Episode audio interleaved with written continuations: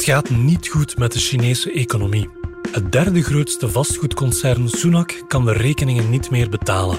En Sunac is zeker niet de eerste reus die wankelt. Wat betekent dat voor de economie van het land, die zelf al ernstig verstoord is door de strenge lockdowns? En welke impact zal dat hebben op de rest van de wereld? Het is woensdag 1 juli. Ik ben Glen van Muilem en dit is vandaag de dagelijkse podcast van de Standaard.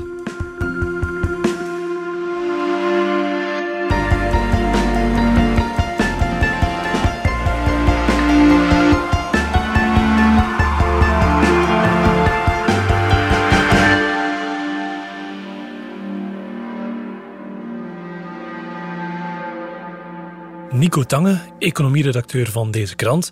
Er komt tegenwoordig wel heel wat slecht economisch nieuws uit China. Ja, de Chinese economie draait niet zoals het hoort. Hè. Ik denk begin dit jaar ging me nog uit van een groei van 5,5 procent. Maar het is nu al duidelijk dat dat heel wat lager gaat uitkomen. Ja, en zowat alles draait stroef. Als we eens kijken, eh, de autoverkoop bijvoorbeeld in China, die is in eh, de maand april gehalveerd. De waarde van het verkochte vastgoed eveneens. De horeca speelde een vijfde van zijn omzet kwijt. En uh, ja, de luchtvaartmaatschappijen, door de lockdowns, ja, die, die liggen al helemaal stil. Als je bijvoorbeeld kijkt naar China Eastern Airlines, die zagen het aantal passagiers met 91% dalen. Je had het net even over het vastgoed. Wat heel opmerkelijk is, is dat Sun Hongbin, een self-made vastgoedmiljardair die normaal andere bedrijven redt van het faillissement, zijn eigen vastgoedfirma nu niet kan redden. Wel, dat heeft natuurlijk te maken met die vastgoedcrisis in China. Die is al een, een, hele tijd gaande. Die is begonnen natuurlijk met de val van Evergrande, eh, het grootste Chinese vastgoedconcern. Maar ja, ehm, wat je nu ziet is dat, dat er steeds meer andere eh, Chinese vastgoedbedrijven ook in de problemen komen. En ja, Sunac, dat is eigenlijk het top drie na grootste vastgoedconcern in China, die, die heeft vorige week uh, voor de eerste keer ook een van zijn afbetalingen uh, op uh, een obligatie niet kunnen, niet kunnen waarmaken. Het, het, opvallende daaraan is dat Sunac eigenlijk door heel wat waarnemers in China werd gezien als een van de gezondste vastgoedconcerns in, in gans het land. Dat had te maken met het enorme vertrouwen die er was in de eigenaar van Sunac. En dat is de 59-jarige Chinese vastgoedmiljardair Sun Hongbin. Uh, dat is eigenlijk een soort self-made ondernemer uh, die zich uh, de voorbije decennia met vallen en opstaan naar de top heeft gewerkt. Ja, het feit dat net het vastgoedconcern van die hooggewaardeerde Sun Hongbin in de problemen kwam, ja, deed een aantal analisten besluiten, ja, als die al aan het wankelen gaan, dan is er eigenlijk geen enkel vastgoedbedrijf meer veilig in China op dit moment. Eigenlijk is op een bepaalde manier de Chinese president Xi Jinping mee verantwoordelijk. Het heeft te maken met die vastgoedcrisis in, uh, in China. Die is er eigenlijk gekomen omdat Peking heeft ingegrepen in die sector. Net zoals dat is gebeurd met de technologie sector. Het begon allemaal ongeveer anderhalf jaar geleden toen Xi Jinping vond dat ja, huizen zijn om in te wonen, maar niet om mee te speculeren, vond uh, Xi Jinping. En dus zei weet je wat, we gaan het een beetje moeilijker maken voor al die projectontwikkelaars om geld te lenen bij de banken. Hij heeft dus die geldkraan voor een deel dichtgedraaid. En daar is het uiteindelijk allemaal mee begonnen. Uh, toen is eerst Evergrande in de problemen gekomen. Wat je nu ziet is dat eigenlijk het domino-effect steeds verder gaat in die uh, sector. Je hebt nu bijvoorbeeld ook Fantasia, Modernland, Kaiza Group, die in liquiditeitsproblemen zitten en betalingen hebben gemist op de leningen die zij hebben aangegaan. En er zijn andere vastgoedconcerns, zoals Shimao, die dan weer om uh, uitstel van betaling hebben gevraagd. Daardoor lekt het vertrouwen bij de Chinese consument gestaag weg. Steeds meer kandidaatkopers van appartementen en uh, woningen die gebouwd zijn door die grote vastgoedconcerns haken af. Maand na maand worden er minder nieuwe woningen verkocht. Bijvoorbeeld begin mei was er een vakantieweek in China. En dat is typisch een moment waarop dat er veel verkopen worden afgesloten. Mensen hebben wat tijd om te gaan uh, rondkijken. En ja, daar zag men dat bijvoorbeeld de verkoop 33% lager lag dan in dezelfde periode het jaar voordien. We zijn nu een paar weken later en nu zegt men al dat het met 40% is gezakt. En uh, recent zijn er ook weer nieuwe maatregelen aangekondigd om die vastgoedsector te ondersteunen. En natuurlijk, ja, Sunak is een van die grote spelers in die sector. En het is dan ook niet verwonderlijk dat ook Sunak in de problemen kan, uh, kan komen. En zo kan Sunak de zoveelste domino-steen worden die dus valt in de vastgoedcrisis. Wel, zo ziet het er naar uit, omdat ze inderdaad die betaling hebben gemist. En ook eigenlijk omdat de eigenaar, Sun Hong Bin, eigenlijk al redelijk veel heeft gedaan om zijn vastgoedbedrijf van de ondergang te redden. Hij heeft bijvoorbeeld een gigantische persoonlijke renteloze lening gegeven aan het bedrijf, maar dat blijkt dus niet te volstaan om aan voldoende liquiditeit te geraken. Hij heeft de voorbije maand ook al nog eens met zijn pet rondgegaan in de investeringswereld en, en ook nog voor 2 miljard vers geld opgehaald in de hoop dat dat voldoende zou zijn om zijn groep draaiende te houden. Maar ook dat bleek onvoldoende. Vandaar dus die vrees. Hè. En laat China die vastgoedconcerns echt over kop gaan? Of probeert Peking te redden wat er te redden valt? Wel, ehm, wat je ziet in China is dat er eigenlijk altijd een soort halve vangnet wordt ondergeweven door de overheid. Dus uh, het begon met Evergrande. Evergrande is nog altijd niet uh, formeel failliet verklaard, ondanks het feit dat ze al verschillende afbetalingen op buitenlandse leningen hebben uh, gerateerd. Wat Peking probeert te doen, is eigenlijk die grote spelers te begeleiden naar een zachte landing. Bijvoorbeeld bij Evergrande zijn er een aantal overheidsambtenaren aangesteld die moeten proberen ervoor te zorgen dat Evergrande zoveel mogelijk van zijn bouwprojecten verder afwerkt. En uh, tegelijk onderhandelingen worden dan aangeknoopt met de schuldeisers. En het zijn vooral buitenlandse schuldeisers die hun geld dreigen uh, te verliezen in de hoop om die schulden te gaan herschikken. Maar of dat gaat lukken is natuurlijk een andere vraag. Om, ja, het feit dat er inderdaad steeds meer andere grote vastgoedconcerns in China ook uh, liquiditeitsproblemen hebben en hun schulden niet meer kunnen afbetalen, geeft wel aan dat dat voorlopig maar matig lukt. Dus dat dat domino-effect inderdaad wel aan het spelen is en dat die vastgoedcrisis wel eens veel belangrijker en veel gevaarlijker zou kunnen worden uh, dan men in Peking heeft gedacht. En hoe gevaarlijk dat, dat kan zijn, ja, dat, dat toont het voorbeeld van de vastgoedcrisis in de Verenigde Staten in 2008, waar het ook allemaal begon met de val van Lehman Brothers, maar waar je daar toch zag dat dat uiteindelijk de hele economie in gevaar kan brengen. En dat is ook het geval in China natuurlijk. Als je kijkt naar de cijfers, de vastgoedsector in China is goed voor 30% van het totale BBP. En bijvoorbeeld Evergrande zelf is goed voor 2% van het totale BBP. Het is dus van het allerhoogste belang dat Peking daar de situatie terug onder controle krijgt. Waarom zijn die vastgoedbedrijven zo in de problemen gekomen? Wel, ze hebben eigenlijk het geld dat ze hebben opgehaald bij de banken in van alles en nog wat geïnvesteerd. Ze kochten er bijvoorbeeld eh, voetbalploegen mee. Eh, Evergrande bijvoorbeeld is jarenlang de hoofdsponsor en eigenaar van Guangzhou geweest. Een van de meest succesvolle Chinese voetbalclubs. Maar ze kochten ook hotelgroepen op, uh, themaparken, you name it. Ja, dan, dan zag je eigenlijk dat die ongebreidelde financiering, die geldkraan die, die volledig open stond naar die sector, werd gebruikt om te investeren in eerder entertainment en risicovolle beleggingen die niks meer met vastgoed hadden uh, te maken. En het was vooral Xi Jinping, die wou daar een einde aan maken. En dat was eigenlijk al eerder begonnen. Er waren al aantal investeringsconcerns die uh, aan banden werden gelegd. En dan later is dat geëvolueerd naar, naar de vastgoedsector. Omdat bijvoorbeeld Sun Hongbin, toen Dalia Wanda Groep in de problemen kwam, een deel van die hotels en die parken heeft overgenomen voor 6 miljard. Hij, had zelfs Mark Koeken gewijs een hele reeks indoor skipistes overgenomen. Dus om maar aan te geven dat dat eigenlijk allemaal niet veel meer met vastgoed had te maken.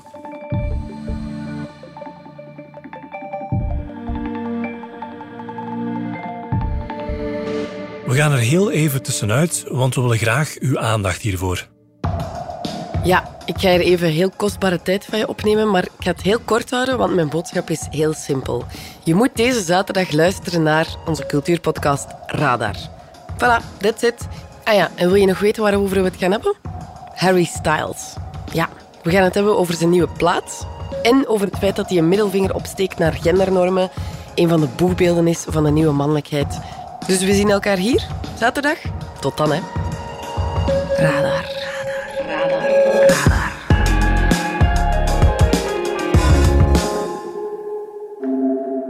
Alsof de vastgoedcrisis nog niet genoeg was, zorgt ook het Chinese nul-tolerantiebeleid tegen COVID voor een bloedbad in de economie. Nico, Hoe hard treft China's zero-covid-beleid de economie? Wel heel hard. Hè. Terwijl de rest van de wereld mentaal en economisch afscheid heeft genomen van de coronapandemie, blijven de Chinezen er eigenlijk een beetje door geobsedeerd. Hè. Heel wat fabrieken kunnen niet of slechts gedeeltelijk draaien. Hè. Dat betekent dat er minder export is van elektronica, van speelgoed of van kleding. Die lockdowns hebben ook natuurlijk nog een ander effect, namelijk dat, er heel veel mensen zijn die thuis opgesloten zitten en hun geld nauwelijks kunnen uitgeven. Eh, om maar een voorbeeld te geven, de inwoners van Shanghai, hè, toch een van de grootste steden van China, alles ligt daar gewoon stil. En dus ja, dat zorgt ervoor eigenlijk dat de twee pijlers van een klassieke economie, dus ook de Chinese, aan de ene kant export van goederen, maar ook aan de andere kant de binnenlandse vraag, dat die alle twee aan het wankelen zijn gegaan. Om daar wat cijfers op te plakken bijvoorbeeld. De exportgroei in april was de laagste in bijna twee jaar. Die kwam uit op een magere 3,9 procent. Ter vergelijking, in maart was dat nog 14,7 procent. Dus ja, je ziet gewoon dat het allemaal pijlsnel omlaag gaat. Hè. Closed shops and shuttered factories are taking a toll on China's economy. Full or partial lockdowns hit major centres across the country in March and April. That included Shanghai, the most populous city. Numbers out Monday showed the impact. Retail sales shrank just over 11% on the year in April, the biggest drop since March 2020. Gaan wij dat ook voelen? Vanzelfsprekend wel, hè. en op meerdere manieren. Hè. Eh, om het met een beeld duidelijk te maken, als China hoest, dan is de rest van de wereld verkouden. Hè. En dat is op dit moment wat er aan het gebeuren is. Want neem nu de stokkende export vanuit China, dat voelen veel bedrijven nu al in hun aanvoerketens. Hè. Die aanhoudende lockdowns in de grote Chinese steden en havens, die bemoeilijken de verscheping van exportgoederen. Alles is daar verstoord. En je merkt dat, hè. bijvoorbeeld, veel bedrijven hebben nu een kwartaalresultaten bekendgemaakt. En het persagentschap Bloomberg heeft een keer geteld hoeveel van die grote bedrijven nu die lockdowns in China als een probleem hebben vermeld tijdens hun persconferentie en hun communicatie. Wel, dat waren er in het eerste kwartaal 180, terwijl dat er drie maanden voordien nog maar 50 waren. Heel veel onderdelen komen veel te laat of aan een veel hogere prijs bij die bedrijven en dat is een probleem natuurlijk voor het aanbod. Dat is niet het enige.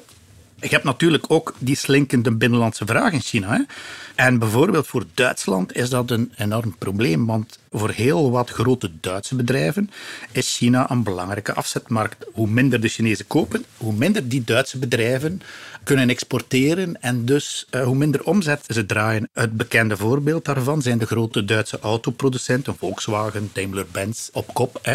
Voor hen is China al een paar jaar lang de grootste afzetmarkt in gans de wereld. Groter dan Europa, groter dan Duitsland. Zij verkopen het meeste wagens in China. En dus, ja, zij voelen dat. Hè. Zelfs voor een aantal belangrijke Vlaamse industriële bedrijven is die slabakkende economische groei een, een probleem. Want het is nu namelijk een feit dat heel veel Vlaamse bedrijven die verkopen half afgewerkte industriële producten aan die Duitse bedrijven. Dus die verkopen onderdeeltjes voor motoren. En natuurlijk, ja, als die Duitse bedrijven minder kunnen verkopen aan China, dan gaan die ook minder bestellen bij die industriële bedrijven in Vlaanderen. En zo krijg je een kettingreactie die helemaal tot bij ons uh, komt. En dan heb je natuurlijk nog de consument. Zal die dat ook voelen? Ook de consument voelt dat, want die aanvoerproblemen en die files in de havens, die, die dragen bij tot het onevenwicht tussen vraag en aanbod. Want ja, hoe kleiner het aanbod is van een aantal producten, hoe hoger de prijs in de winkelrekken bij ons. En dus die Chinese lockdowns die voeden onrechtstreeks die inflatiespiraal die op dit moment overal bezig is. Want je hebt aan de ene kant natuurlijk wel die oorlog in Oekraïne, die daar ook toe bijdraagt, maar die Chinese lockdowns ook, die stuwen de prijzen alleen maar hoger. Dus gaan wij ook als consument de gevolgen van dragen. Dat zijn geen al te kleine problemen waarmee China kampt. Heeft president Xi Jinping wel een plan om dat te boven te komen? Ja, nee. Dus in die zin kan je wel zeggen dat Peking tot op vandaag een beetje een dubbelzinnig beleid heeft gevoerd. Hè. Dus enerzijds gaan ze de vastgoedconcerns die in moeilijkheden verkeren niet rechtstreeks steunen. Integendeel, lange tijd heeft Xi er zelfs een punt van gemaakt om een voorbeeld te stellen door bijvoorbeeld te eisen dat de eigenaars van die vastgoedbedrijven dat die zelf een deel van hun persoonlijke eigendommen verkopen om de boel te kunnen redden. Peking kan zich ook niet gaan veroorloven dat het daar echt uh, uit de hand loopt, uh, want dan hebben ze economisch een groot probleem. En ja, wat je dan ziet is dat Peking eigenlijk op twee fronten probeert in te grijpen. Uh, enerzijds financieel. Men heeft eigenlijk de voorbije weken en maanden al tientallen miljarden in het uh, geldsysteem gepompt om uh, de onrust te bezweren en vooral verder besmetting naar de banksector in te perken. Hè, want zoals ik al zei, de vergelijking met de vastgoedcrisis in de Verenigde Staten is in deze pertinent. Hè. Die is toen ook uiteindelijk uitgedijd naar een financiële crisis. En dat is nu net ook wat men probeert te verhinderen in China. Aan de andere kant ziet men dat men probeert de vraag naar woningen terug aan te zwengelen. Bijvoorbeeld, sedert maart hebben Chinese banken in meer dan 100 steden de kosten voor hypotheekleningen verlaagd met 20 tot 60 basispunten. Ook opvallend is dat ja, die recente versoepelingen van het beleid eigenlijk een beetje zijn ingefluisterd door iemand die lange tijd op een zijspoor zat. En dat is eigenlijk de Chinese premier Li Keqiang. Dat is eigenlijk een meer gematigde econoom die eigenlijk zeker de voorbije twee jaar door Xi helemaal opzij werd geduwd. Xi wou zijn dogmatische aanpak van ja, alle bedrijven, er mag geen personencultus meer zijn, ze mogen niet te veel winst meer maken en de enorme winsten die gemaakt worden, die moeten bijdragen tot de Chinese maatschappij. Dus dat beleid, dat had de voorbije twee jaar duidelijk de bovenhand genomen. Maar omdat nu zo slecht gaat met de Chinese economie, zie je dat een aantal meer gematigde figuren die dus ook in de top van de communistische partijen zijn, waaronder die premier Li Keqiang, dat die terug wat meer uh, macht krijgen. En het was heel tekenend bijvoorbeeld dat deze week een van de speeches van Li Keqiang volledig in een grote Chinese staatskrant werd gepubliceerd. De officiële speech die Li Keqiang een week voordien had uitgesproken over de toestand van de Chinese economie. En daarin zie je dat er meer naar hem wordt geluisterd, want de voorbije twee jaar alleen officiële speeches van Xi zouden kunnen gepubliceerd worden in staatsmedia. Nooit van andere prominente figuren. En dus die Li Keqiang bijvoorbeeld heeft de voorbije weken ook allerlei bedrijven en sectoren gaan bezoeken. Hij is bijvoorbeeld in een stad geweest, ik denk dat het Shenzhen was, waar er heel veel e-commerce bedrijven actief waren. En heeft daar gezegd van ja, ik weet dat jullie de, de voorbije weken en maanden hard zijn aangepakt maar eh, dat betekent niet dat we niet in geloven. We gaan zeker de internet-economie verder blijven ondersteunen. En uh, jullie kunnen ervan op aan dat we een zeer degelijk en voorspelbaar beleid gaan voeren, waardoor dat jullie opnieuw gaan kunnen investeren. Dat was eigenlijk zijn discours. En ja, het feit dat het dus ook wordt gepubliceerd en dat dat steeds meer ingang vindt, dat die ook weer terug overal op de voorgrond treedt, heeft toch wel aan dat er een soort tegenwicht is ontstaan binnen in de top van de communistische partij om die strenge dogmatische koers van Xi toch een klein beetje te gaan bijsturen in de hoop zo die sputterende Chinese economie terug op hang te kunnen trekken. De partij heeft immers beslist dat de economie dit jaar met 5% zal groeien. Zoals ik al zei, het is nodig, hè, want die groeidoelstelling van 5,5% dit jaar, daarvan weten we al dat die niet zal gehaald worden. En je moet er dan ook nog bij vertellen dat hier in het Westen men er dan ook van uitgaat dat de officiële groeicijfers die China publiceert lang niet de echte groeicijfers zijn. Dat die in de praktijk veel, veel lager zijn. Bijvoorbeeld als je kijkt naar grote Amerikaanse banken, als die kijken naar de Chinese economie, dan gaan die niet gaan kijken naar de doelstellingen die door Peking naar buiten worden gebracht, maar dan gaan die bijvoorbeeld kijken naar meer onderliggende economische indicatoren, bijvoorbeeld elektriciteit in grote steden, om dan te kunnen zien van ja, hoe zit dat met die productie, hoe gaat het eigenlijk, hoe goed is de Chinese economie eraan toe en dan proberen ze daar een, laten we zeggen, een iets meer realistische schatting van te maken. Want het blijft natuurlijk een schatting.